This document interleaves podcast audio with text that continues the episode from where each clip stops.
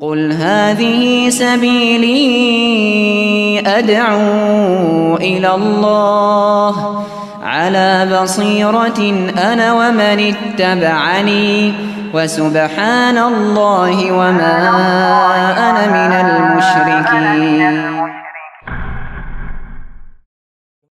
Bismillahirrahmanirrahim. Assalamualaikum warahmatullahi wabarakatuh. Alhamdulillah wassalatu wassalamu ala Rasulillah wa ala alihi wa man tabi'ahum bi ihsanin ila. Allahumma inna nas'aluka ilman nafi'a wa rizqan thayyiba wa amalan mutaqabbala. Baik uh, ikhwan fillah rahimani wa rahimakumullah kita kembali melanjutkan pembahasan sifat salat Nabi sallallahu alaihi wasallam dari kitab karya Syekh Muhammad Nasiruddin Al-Albani uh, untuk menambahkan sebelumnya tentang posisi itidal tangan sedekap ataukah tidak di sini diterangkan di halaman 86 di ringkasannya dalilnya sama yang digunakan. Tinggal pemahamannya yang agak berbeda antara Syekh Al-Albani dengan yang tadi beliau sebut dengan ulama Hijaz Dasarnya nanti hadis dari Wa'il bin Hujr, ra'aitu Rasulullah sallallahu idza kana qa'iman fi shalah qabada bi yaminihi ala shimalihi. Aku melihat Rasulullah SAW ketika beliau berdiri dalam sholat, beliau meletakkan tangan kanannya di atas tangan kirinya. Kalau posisi berdiri yang dimaksud bisa sebelum rukuk, bisa setelah rukuk. Nah, ini yang difatwakan oleh ulama Saudi Arabia. Kemudian Hadis riwayat Abu Daud juga summa wada'a yadahul yumna ala dhahri kafil yusra wa rusgi was. Kemudian beliau meletakkan tangan kanan di atas punggung telapak tangan kiri di pergelangan tangan atau di lengan tangan kirinya. Ini cuma dijelaskan pokoknya saat berdiri. Begitu juga hadis yang bunyinya dari Abu Hazm dari Sahal bin Sa'ad As-Sa'idi karena nas yu'maruna ayyadu ar-rajul yadal yumna ala zirahil yusra fi shalah Orang-orang saat itu diperintahkan meletakkan tangan kanannya di atas tangan kirinya saat sholat. Ini hanya mungkin terjadi bukan ketika ruku, bukan ketika sujud, namun ketika berdiri, entah sebelum ruku atau entah sudah ruku. Oleh karena itu fatwa al ada imam menyimpulkan dan tidak ada satupun hadis dari Nabi SAW yang menunjukkan bahwa beliau melakukan sadel. Sadel itu tangannya diletakkan di samping saat berdiri dalam sholat. Karena asalnya posisi tangan nanti kembali ke posisi berdirinya sebelumnya. Kalau saat sebelum rukuk itu tangannya sedekap, maka pada rukuk, rukuk juga demikian. Kemudian hadis yang dipahami juga Nabi SAW itu rukuk fawadu ayyadehi ala rukbatai hatta akhadha kulla aduin makhadahu summa rafa hatta akhadha kulla aduin makhadahu. Nabi rukuk lalu diletakkan di lututnya tangannya sampai setiap anggota tubuh mengambil posisinya. Kemudian beliau bangkit saking rokok dan setiap anggota tubuh mengambil posisinya juga. Mengambil posisinya juga di sini dimaksudkan ambil posisi seperti sebelum rukuk yaitu sedekap. Juga dalam riwayat disebutkan fa idza rafa'ta ra'saka fa aqim sulbaka hatta tarjila idhamu ila mafasiliha. Jika engkau bangkit dengan mengangkat kepalamu, maka luruskanlah tulang punggungmu hingga setiap tulang kembali pada posisinya. Kembali pada posisinya berarti kembali pada posisi sebelum rokok. Maka Syablas Atorifi yang penulis kitab sifat sholat Nabi ini katakan seperti ini. Terdapat pula indikasi yang menunjukkan tangan itu sedekap setelah rukuk. Yaitu Nabi SAW ketika mengangkat kepalanya dari rukuk, beliau berdiri sampai-sampai orang-orang mengira bahwa beliau lupa untuk sujud. Karena saking lamanya berdiri kala itu. Demikian pula dikatakan oleh Anas bin Malik sebagaimana disebutkan dalam hadis Sahih Bukhari. Ini menunjukkan bahwasanya Nabi SAW bangkit dari ruku tangannya dalam keadaan sedekap karena keadaan beliau begitu lama saat itu. Hal ini lebih disangka sedekap daripada beliau melepas tangannya ke bawah. Sampai-sampai dikira pula beliau berada dalam rokat yang baru. Karena dikira ini lama, dikira itu sudah rokat yang baru. Padahal itu baru bangkit dari rokok atau iktidal. Kalau tangan beliau dalam keadaan sadel, yaitu diturunkan, dilepaskan, tentu tidak disangka demikian. Dia lanjutkan lagi, orang yang sholat jika sedang duduk keadaan tangannya adalah di atas pahanya. Kalau duduk, duduk tangan di atas paha. Posisi tangan di sini sama seperti ketika duduk antara dua sujud. Tangannya juga di paha. tahiyat, duduk antara dua sujud seperti itu pula. Itu berarti keadaan duduk dalam sholat adalah satu karena tidak ada dalil yang membedakan. Saat duduk tahiyat tangan di situ, saat duduk antara dua sujud tangan juga di situ. Maka demikian pula keadaan berdiri dalam sholat juga satu, yaitu tangan dalam keadaan bersedekap sebelum ruku ataupun sesudah ruku. Kesimpulannya saking Imam Ahmad. Tadi saya salah nukil dari Imam Ahmad seperti ini kesimpulannya. Iza rafa ra'sahu min ruku insya'a arsala yadayhi wa insya'a wada'a yaminahu ala shimalihi. Imam Ahmad katakan, ini dalam kitabnya Al-Insaf atau disebut dalam kitab Al-Insaf. Jika seseorang bangkit dari ruku, maka jika ia mau, ia bisa melepaskan tangannya, tidak sedekap turunkan. Jika mau juga ia bisa meletakkan tangan kanan di atas tangan kirinya. Artinya sedekap. Kalau Imam Ahmad berarti bebaskan, mau sedekap maupun tidak.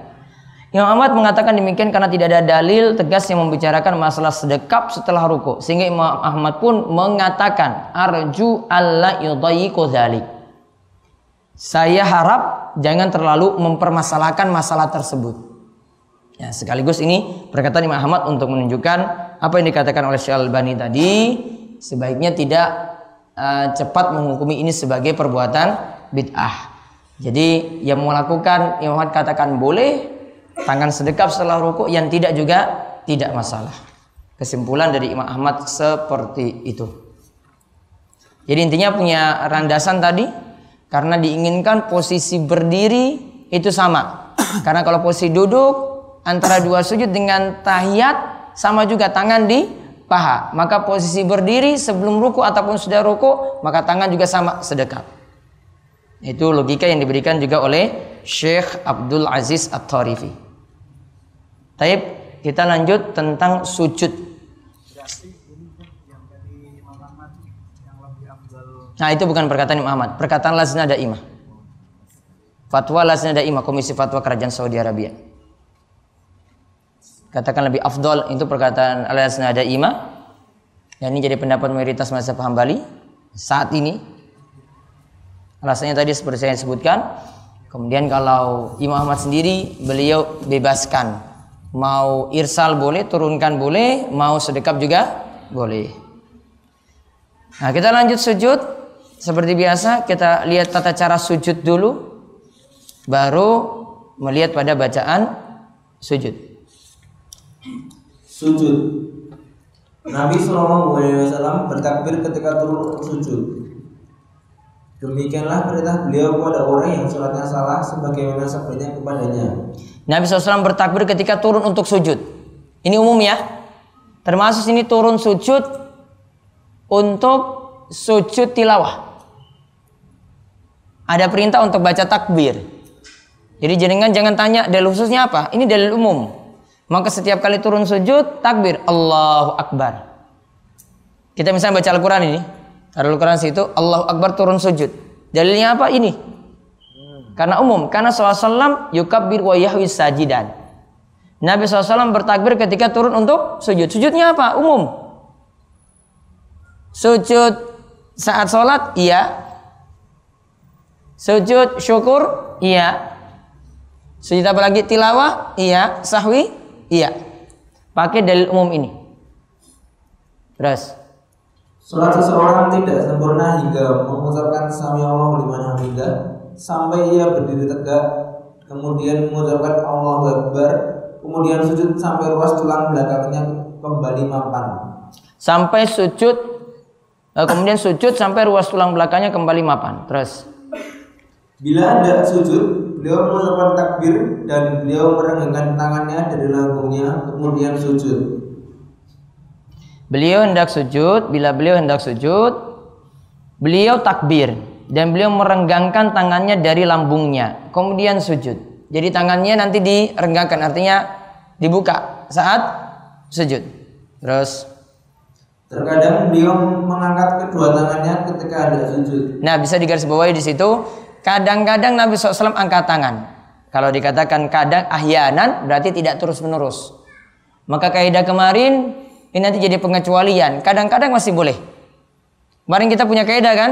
Kalau turun sujud tidak angkat tangan kan? turun sujud atau bangkit dari sujud. Kalau di sini sebut kana ahyanan. Kadang-kadang. Ahyanan itu kadang-kadang. Berarti tidak terus-menerus. Jadi kalau ada yang turun sujud, angkat tangan sekali-sekali boleh. Namun tidak dijadikan kebiasaan. Terus sekarang turun sujud mendahulukan dua tangan. Nah, ini pendapat dari Syekh Albani. Turun sujud itu dahulukan tangan dulu. Terus Turun sujud mendahulukan dua tangan. Beliau meletakkan kedua tangannya ke tanah sebelum meletakkan kedua lututnya. Karena yadha'u yadaihi alal ardi qabla rukbatai. Beliau meletakkan kedua tangannya dulu ke tanah sebelum meletakkan kedua lututnya. Berarti dalil ini menunjukkan tangan dulu baru lutut. Terus. Beliau menyuruh berbuat demikian sebagaimana sabdanya. Apabila seseorang di antara kamu bersujud, janganlah turun seperti turunnya unta, tetapi hendaklah ia letakkan kedua tangannya sebelum kedua lututnya. Hendaklah dia meletakkan kedua tangannya sebelum kedua lututnya. Sama juga maksudnya. Dan di sini ada larangan jangan turun seperti ya brukul ba'ir. Seperti menderumnya unta, seperti turunnya unta. Lalu dilanjutkan dengan lafaz wal yadha yadaihi qabla rukbatai. Letakkan tangan dulu kemudian lutut. Biar tidak mirip dengan turunnya unta tadi. Nanti saya akan jelaskan maksudnya. Ah, lanjut lagi. Beliau bersabda. Beliau bersabda, kedua tangan sujud sebagaimana muka sujud. Apabila seseorang di antara kamu meletakkan wajahnya ke tanah, hendaklah ia meletakkan pula kedua tangannya. Dan apabila ia mengangkat wajahnya, hendaklah ia mengangkat pula kedua tangannya. Ya. Kedua tangan sujud sebagaimana muka sujud. Ya. Apabila seorang di antara kamu meletakkan wajahnya ke tanah, hendaklah ia meletakkan pula kedua tangannya. Dan apabila ia mengangkat wajahnya, berarti wajah dulu, kemudian hendaklah ia mengangkat pula kedua tangannya. Traip. Lanjut. Nabi turun bertumpu pada kedua telapak tangannya dan membukanya, serta merapatkan jari-jarinya dan menghadapkan dan menghadapkannya ke arah kiblat. Nah, lihat, kiblat sana ya. Tangan jadi tumpuan, berarti tangan turun dulu. Terus jari jemari rapat. Ini rapat. Rapatnya ini, tangannya ini hadap kiblat. Dan menghadapkannya ke arah kiblat. Jadi bukan nyerong gini, namun tangannya ini menghadap ke arah kiblat. Terus Beliau meletakkan tangannya sejajar dengan kedua bahunya. lihat ini bahu, sejajar bahu nanti. Jadi tidak maju ke kepala yang sujud, namun sejajar bahu. Terus Terkadang beliau meletakkan tangannya sejajar dengan kedua daun telinganya. Nah, kedua telinga juga boleh. Sejajar kedua telinga juga boleh. Terus, Beliau menekankan hidung dan dahinya ke tanah. apabila kamu sujud, ah, maaf, beliau menekankan hidung dan dahinya ke tanah. Berarti apa maksudnya? Hidung kena tanah, dahi juga kena tanah. Jadi jangan hidungnya saja yang nempel atau dahinya saja yang nempel, hidungnya diangkat. Di sini katakan dua-duanya. Dahi kena tanah, hidung juga kena tanah. Sepesek apa pun hidungnya. Ya, kena tanah. Ya, ini pokoknya kena tanah. Dan ini jadi pelengkap juga dari dalil yang katakan bahwasanya kalau mau sujud tujuh anggota tubuh nanti harus menempel pada tanah, yaitu dahi dan hidung, terus kedua telapak tangan, terus kedua lutut, terus kedua ujung kaki. Ya, kedua ujung kaki. Dan kalau dahi disuruh kena tanah di sini bukan berarti ini agak diangkat sedikit biar ini langsung nyentuh enggak. Kenapa demikian? Buktinya lutut tidak mesti dibuka. Namun disuruh menempelkan lo lutut meskipun ada kain. Ya nah, maka kalau sini ini agak turun sedikit gini nggak masalah. Kan ada yang harus paksakan gini kan. Ini harus nempel ini. Ya nah, jadi ini agak diangkat sedikit ini harus nempel. Nah, di sini tidak disuruh demikian. Cuma dikatakan hidung pokoknya dan ta- dahi tadi kena tanah. Nggak disuruh langsung. Buktinya lutut tadi tidak disuruh langsung. Nggak disuruh mau ini buka dulu baru kena gitu nggak. Harusnya kan konsekuensinya kan sama. Nah terus Beliau bersabda kepada orang yang sholatnya salah. Apabila kamu sujud, sujudlah dengan menekan. Sujudlah dengan menekan. Idza sajadta famakin li sujudika. Artinya serius ketika sujud. Jangan ini maksudnya bukan terlalu nekan paksa nekan bukan. Dahi dan hidung dan dahi ini nempel. Famakin ini nggak disuruh pencet hidungnya, pencet dahinya tidak. Ya maksudnya tidak terlalu tekan banget bukan. Karena famakin bukan maknanya ini. Ini mungkin pendekatan kosakata beliau saya terjemahkan. Namun maksudnya kembali ke hadis sebelumnya, hidung dan dahi tadi kena tanah.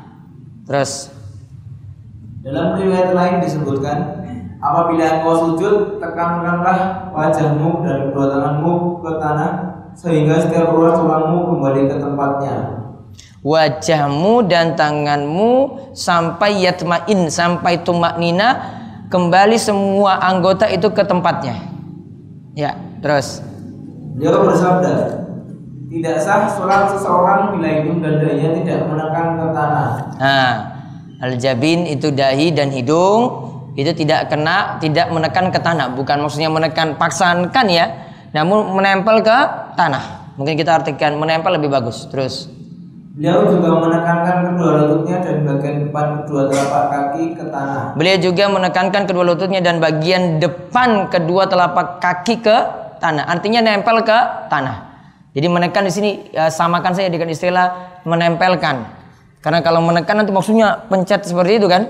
Enggak seperti itu maksudnya. Terus serta menekan punggung kedua kakinya dan ujung-ujung jari kaki ke kiblat. Maksudnya apa ini? Punggung kedua kakinya. Mana punggung? Punggung ini kan? Nah, punggung kedua kakinya dan ujung jarinya. Berarti ini apa istilahnya ya? ditekuk ya ditekuk kakinya itu sehingga nanti ujung kaki itu ke arah kiblat punggung juga kan ke arah kiblat. Kalau itu nggak ditekuk coba nggak ditekuk nah itu nggak hadap kiblat kan? Ujung kaki nggak hadap kiblat kan? Nah berarti ditekuk maksudnya. Kaki ketika sujud itu kakinya ditekuk sehingga gini tek. Nah yang ini bagian ujung kaki ini ngadap kiblat ini punggung punggung kakinya juga menghadap kiblat. Nah itu, jadi konsekuensinya ya ini nggak seperti ini. Walaupun sah, ya, walaupun sah, ini ditekan. Nggak mesti semua, nggak mesti semua.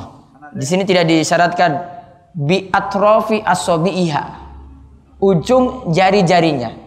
Kalau dia sudah dapat di dua tiga jari sudah cukup. Mau tekan semua gimana coba? Bisa? Nah, agak susah. Fatakullah mastata'tum. Ya, agak susah kan? Iya. Sudah cukup yang tadi coba. Nah, yang penting sudah jempol kelihatan kayak gitu kan dua jari setelahnya masih kelihatan. Masih kelihatan ngadap kiblat. Iya. Terus merapatkan kedua tumitnya. Tumitnya rapat. Kaki belakang gini, ini rapat. Gih? Ini rapat. Kalau di sini masuk beliau bukan buka gini. Ya, bukan ada peluang kucing masuk ke sarung gitu enggak. Gampangnya kayak gitu saya contohkan. Ya kan kalau ini kan kucing bisa masuk kan. Jadi dia rapatkan. Ya, dia rapatkan itu ya. Jadi kalau pakai sarung kan kalau buka kucing bisa masuk kan? Nah, itu. Terus dan menegakkan kedua telapak kakinya. Yang sibur rijlai tadi. Nah, yang sibur rijlai, ya dah? Ketika ketika sujud seperti itu. Walaupun nanti rusuh akibai di sini merapatkan kedua tumitnya ini sebagian ulama tidak setuju dengan riwayat ini. Itu hadis riwayat Tahawi Ibnu Khuzaimah dan ini setuju oleh Hadabi. Sebagian ulama dhaifkan hadis ini. Sehingga ada yang berpendapat tidak perlu dirapatkan. Yang itu tadi tumit. Jadi dia agak buka memang. Sebagian ustadz atau sebagian kiai tetap seperti itu karena hadis ini dianggap bermasalah. Namun Syekh Albani menyesuaikan hadis ini. Ya, si Albani menyesuaikan di sini. Terus beliau menyuruh melakukan, melakukan seperti itu. Beliau biasa menekuk jari-jari kakinya ke arah kiblat. Nah, tadi sudah ya. Nekuk jari-jarinya ke arah kiblat. Terus Inilah tujuh anggota badan yang diperbolehkan oleh Nabi Shallallahu Alaihi Wasallam untuk bersujud, yaitu dua telapak tangan. Nah, lihat dua telapak tangan. Terus dua lutut. Tadi dua lutut sudah kena kan? Terus dua telapak kaki, dua telapak kaki, terus kening dan hidung. kening, dahi dan hidung. Terus Dua anggota badan terakhir dianggap satu dalam melakukan sujud sebagaimana sabdanya. jadi dahi dan hidung ini, dahi dan hidung dianggap satu. Ya, dahi dan hidung dianggap satu. Terus Aku diperintah untuk bersujud. Dalam riwayat lain disebutkan, kami diperintah untuk bersujud dengan tujuh anggota badan, yaitu kening sekaligus hidung, dua tangan atau dua telapak tangan, dua lutut, jari-jari kedua kaki, dan kami tidak boleh menyibak dengan baju dan rambut. Nah, lihat beri catatan tadi. Kami tidak boleh menyibak lengan baju dan rambut. Ini maksudnya.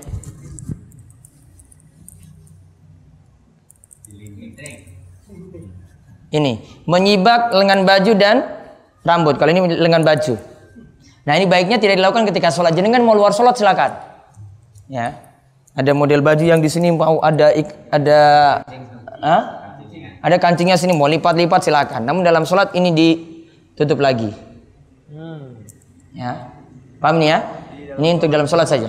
Termasuk di sini apa itu? Wala nakfatus siap. Siap ini bukan hanya lengan baju, termasuk juga eh, celana.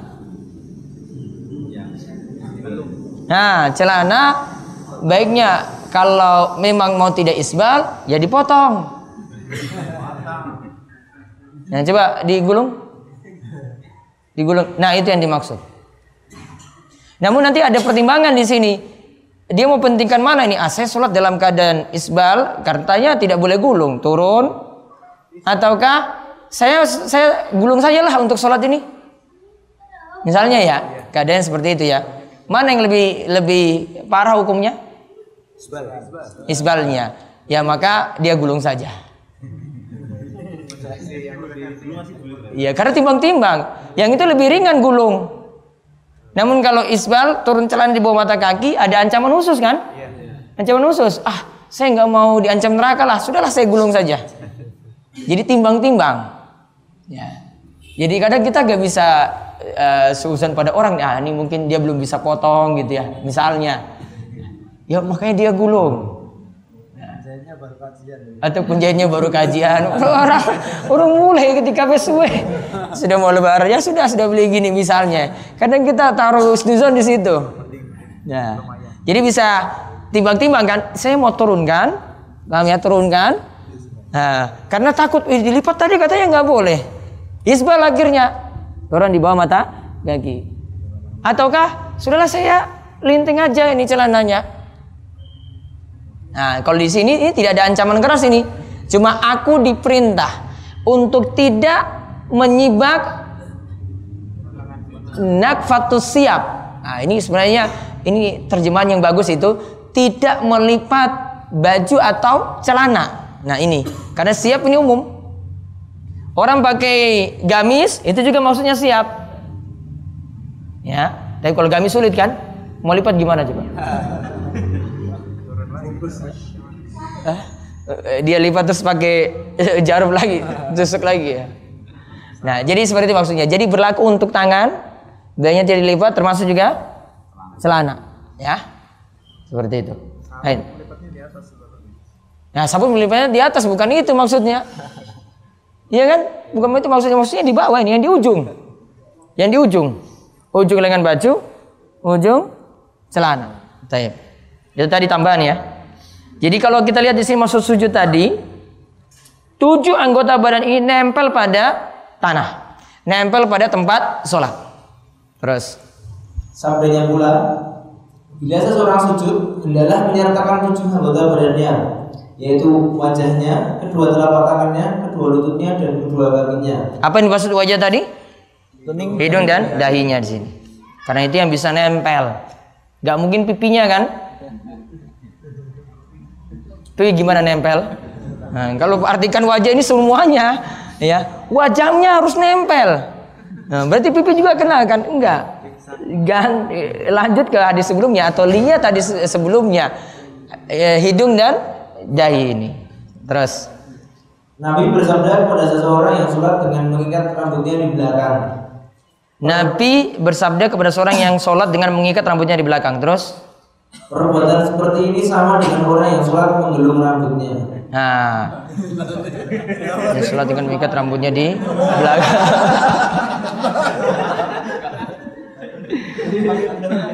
Dilepas lebih bagus berarti. Heeh. Terus, Beliau juga masih ada lanjutannya? Ya ini lanjutannya yang tadi. Nah, yang maktufun, sholat menggulung rambut, ya. Yang lanjut. Demikian itu jadi tempat duduk setan. Ini jadi tempat duduk setan. Terus. Nabi tidak membentangkan tangannya di lantai. Maaf. Nabi tidak membentangkan lengannya di lantai. Maksudnya apa? Lihat tadi selanjutnya.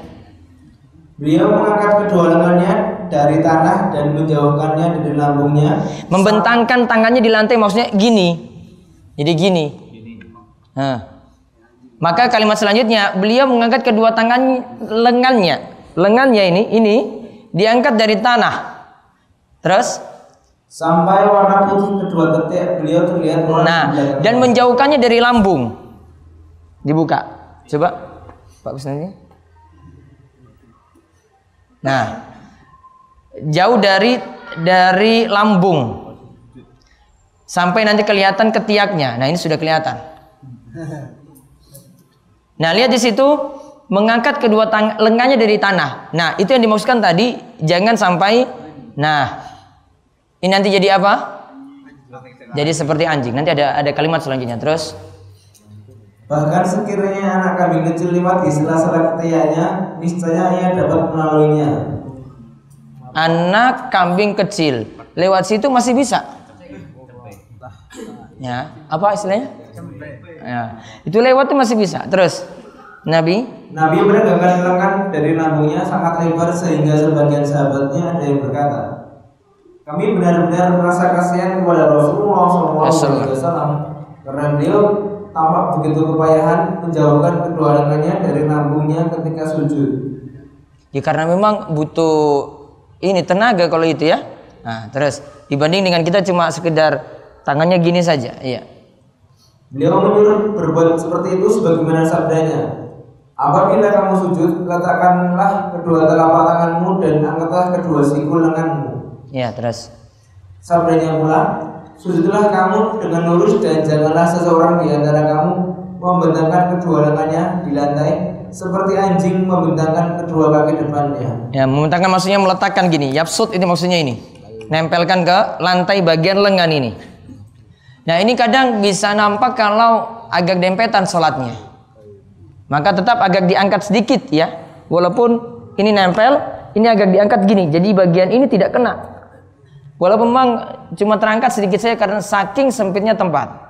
Terus Dalam hadis lain disebutkan, janganlah seseorang di antara kamu membentangkan kedua lengannya di lantai seperti seekor anjing membentangkan kedua kaki depannya. ya. Sabdanya pula, janganlah kamu membentangkan kedua lenganmu seperti binatang buas, tetapi hendaklah engkau tegakkan lenganmu dan engkau jauhkan dari lambungmu. Karena jika kamu berbuat demikian, setiap anggota badanmu turut sujud bersamamu. Iya. Jadi masih maksudnya sama dengan sebelumnya. Jangan tangan ini nempel ke lantai. Nah, itu tadi untuk cara sujud. Tadi sedikit tambahan tentang tangan dulu atau kalutut dulu. Ini tambahan dari ya, sifat sholat Nabi dari Syekh Abdul Aziz At-Tarifi.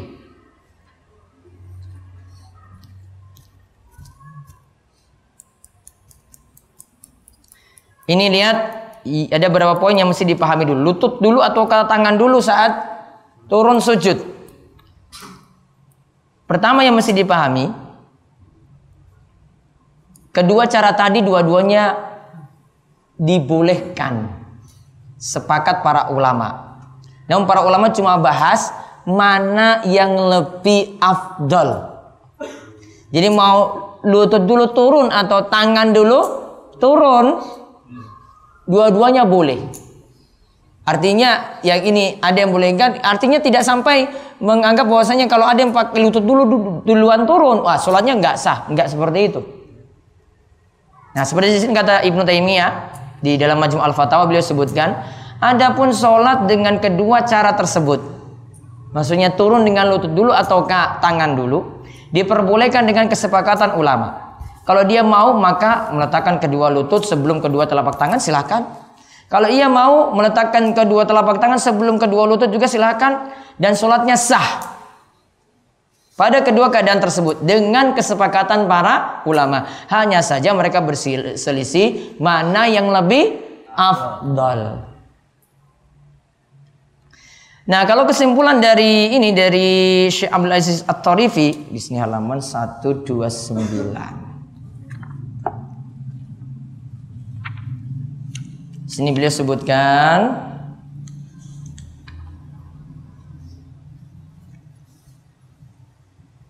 ya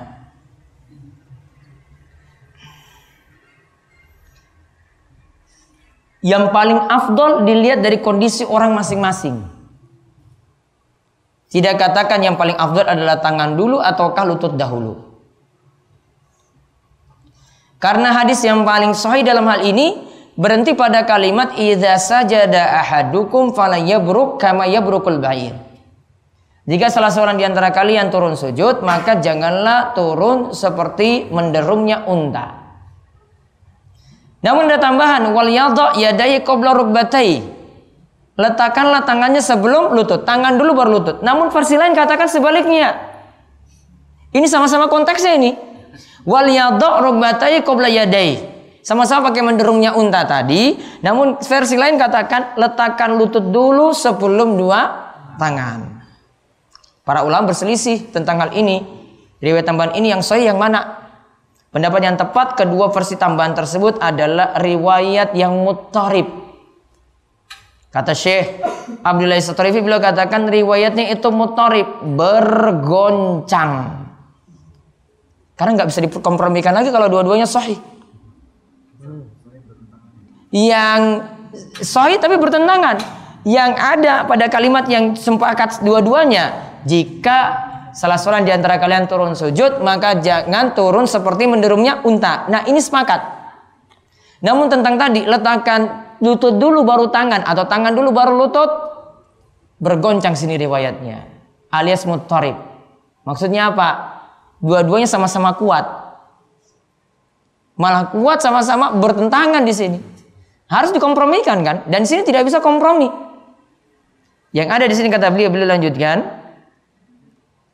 sehingga riwayat yang valid hanyalah pada kalimat janganlah salah satu di antara kalian turun sujud yang bentuk turunnya seperti turunnya unta. Titik sampai situ. Sehingga Zahir hadis menunjukkan bahwa orang yang sedang mengerjakan sholat dilarang turun sujud sebagaimana bentuk turunnya unta ketika mau menderum. Turunnya unta untuk menderum itu bentuknya khas. Bentuk khasnya itu bisa terjadi baik kita kita turun dengan mendahulukan tangan daripada lutut atau sebaliknya lutut daripada tangan. Maka di sini kesimpulannya sampai akhir dari diskusi panjang yang ada, beliau katakan pendapat yang paling baik manakah yang mesti dahulukan apakah tangan dulu atau lutut lihat kondisi orang masing-masing. Kadang ada tiang sepuh, dia nggak bisa pakai tangan dulu, dia turun lutut dulu. Ya silakan. Kadang yang kuat-kuat, kalau gemuk pakai apa? Tangan dulu. Ya, masa tangan dulu? Lutut dulu deh. Eh, berarti belum gemuk kamu itu. Ya. Jadi lihat kondisinya, lihat. Jadi kesimpulannya lihat kondisi orang masing-masing. Ya, di sini beliau katakan ini. Ada orang yang berat badannya, ada yang orang yang berat badannya, dan ada orang yang ringan. Intinya tidak ada hadis satu pun yang marfu sampai Nabi SAW yang membicarakan hal tadi harus merinci tadi dulu atau tangan tadi. Intinya beliau doifkan dua-duanya. Kalau doif dua-duanya selesai. Aman itu. Sama kemarin ini tidak dibahas kemarin uh, letak posisi tangan ya. Posisi tangan. Kemarin posisi tangan ketika sedekap dibahas nggak? Bahas ya? Bukan. Oh, cuma di dada aja ya. Nah, kalau Syekh Abdul Aziz Tarifi beliau katakan posisi tangan di sini, mau di sini, mau di sini semuanya diterima karena semua hadisnya doif. Dia nggak setuju juga hadis ini letakkan di dada, dia doifkan hadis itu juga. Selesai berarti terserah bebas. Hah? selesai. Kalau dia sudah katakan doib, ya mau pada sini ya boleh. Karena Nabi SAW cuma katakan, letakkan tangan kanan di atas tangan kiri. Ini. Posisinya mana? Doib semuanya. Mau sini boleh, mau sini boleh, mau sini boleh. Nah, yang di sini yang yang kurang pas. Uh, saya pernah dengar fatwa langsung dari Syekh Shalal Fauzan, beliau tidak setuju di sini. Sama dengan sini. Nah, ini kan ada hadisnya yang sini tadi. Ya, di dada aja, di sini. Yang kalau sudah di sini, ini atas dada namanya. Atas. Kali ini di dada. Nah, ini beliau ingatkan ketika ini keliru. Saya dengar fatwanya langsung ketika di majelis beliau. Nah, jadi posisi tangan seperti itu tadi bebas, apalagi tadi turun sujud tangan dulu atau kalau dulu bebas juga. Aman nih kalau bebas-bebas kayak begitu. Yang penting nggak kepala dulu ya atau enggak hidungnya dulu itu. Sama yang sedekah apa tadi?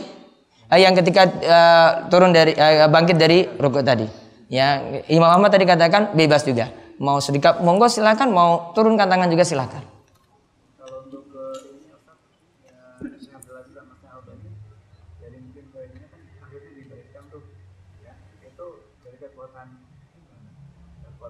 Saya masih lebih cenderung ke dia ini. lebih cenderung ke si Abdul At-Tarifi. Pembahasannya lebih lebih enak kalau dilihat gitu. Dan dia sudah teliti juga sama. Ini sama-sama pakar hadis zaman ini. Si Abdul At-Tarifi uh, cuma usianya lebih muda.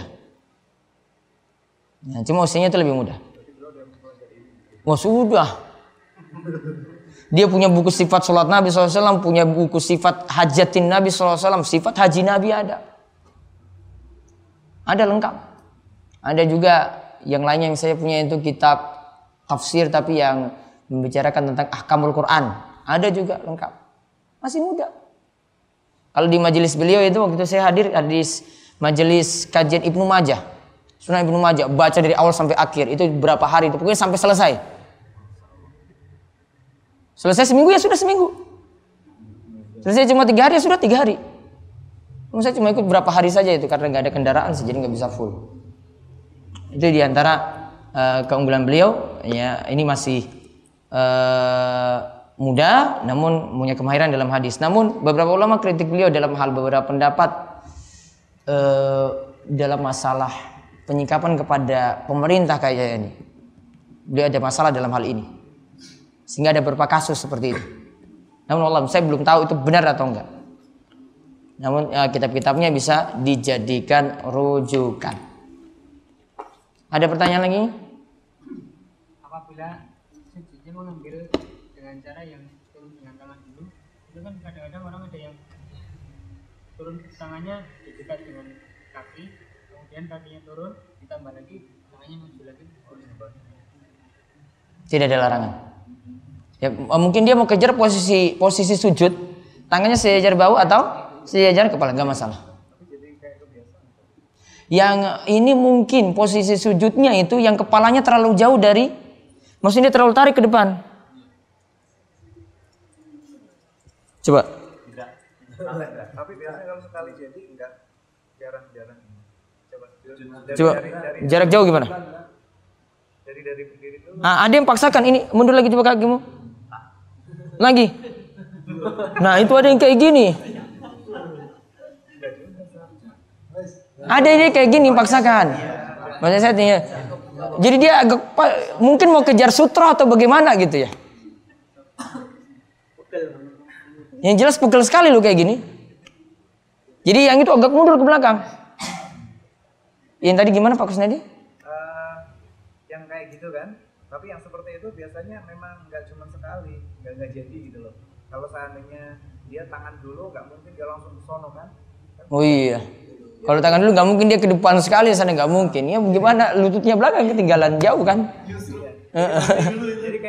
Pasti dia ubah posisi. Artinya dia majukan sedikit.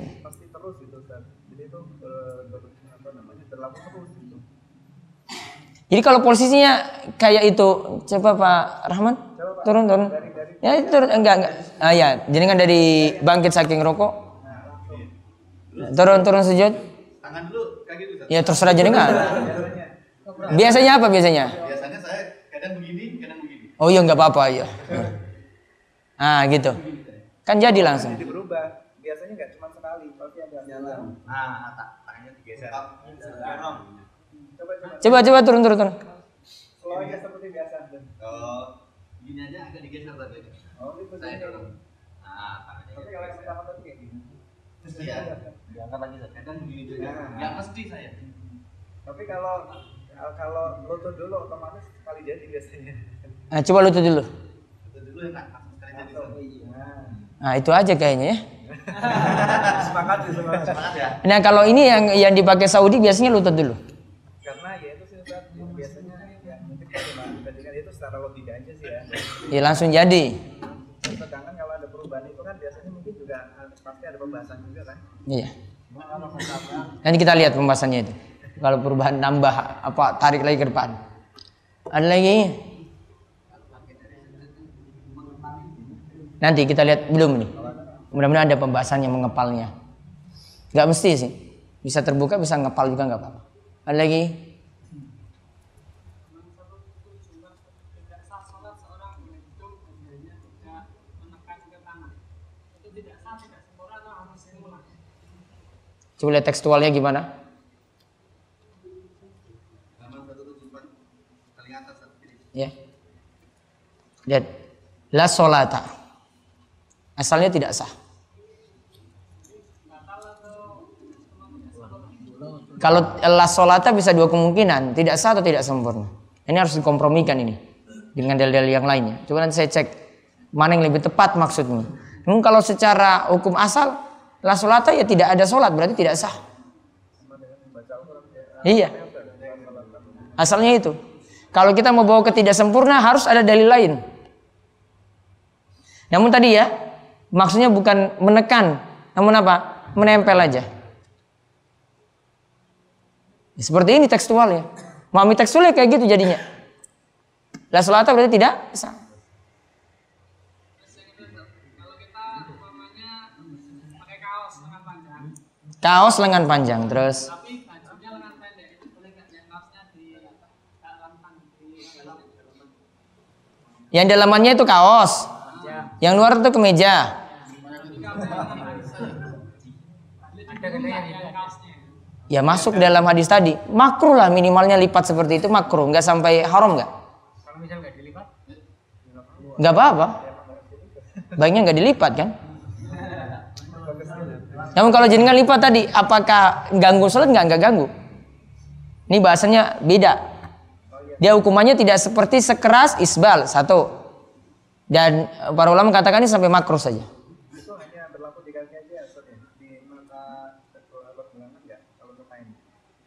Nah, baiknya isbal isbal lengan tuh ya lebih dari ini. Pergelangan tangan ini. Kalau mau lebih kalau ini adanya lebih sampai makruh saja. nggak sampai haram. Iya, yang ancamannya tadi diancam dengan neraka cukup kaki saja, tidak pada lengan baju enggak.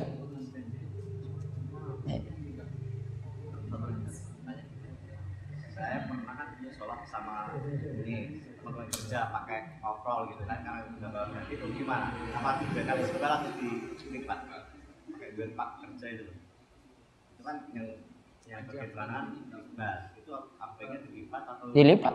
dilipat Mau potong dimarahin nggak? iya dimarahin Iya ya sudah lipat aja. Kalau nggak itu ya kasih karet mungkin ya karet biar nggak turun-turun kan. Yang jelas jangan sampai sholat dalam keadaan isbal itu saja. Ya. maksud menyibak rambut menyibat rambut Itu itu eh, tadi yang mengikat tadi kelanjutannya.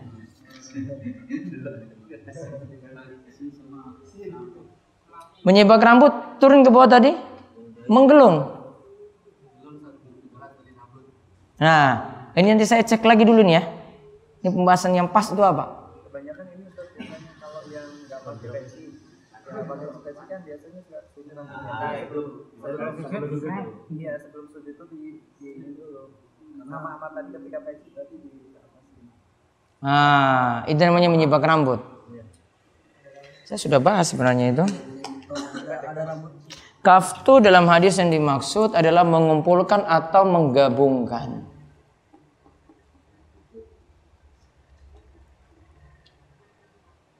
Nah, yang rambut ini. Saya dari dulu belum bisa, belum bisa memahami rambut itu. Mengumpulkan pakaian dan rambut. Halaman 130. Sebutkan. Ini saya cek ya. Saya sudah dapat sini perkataan. Ada lagi? Coba. Tawaruk tapi kebalik. Maksudnya kalau tawaruk kan kayak gini, Ustaz. Nah, itu yang Kenapa dia nggak ke sebelah sini? Ah, sudah berarti kakinya masalah kan? Nggak apa-apa. Uzur. Tawaruk atau iftiras belum ya? Ada lagi? Sudah, itu saja. Kita cukupkan, kita tutup kalian doa kafaratul majelis. Subhanakallahumma wa bihamdika asyhadu an la ilaha illa anta astaghfiruka wa atubu ilaik.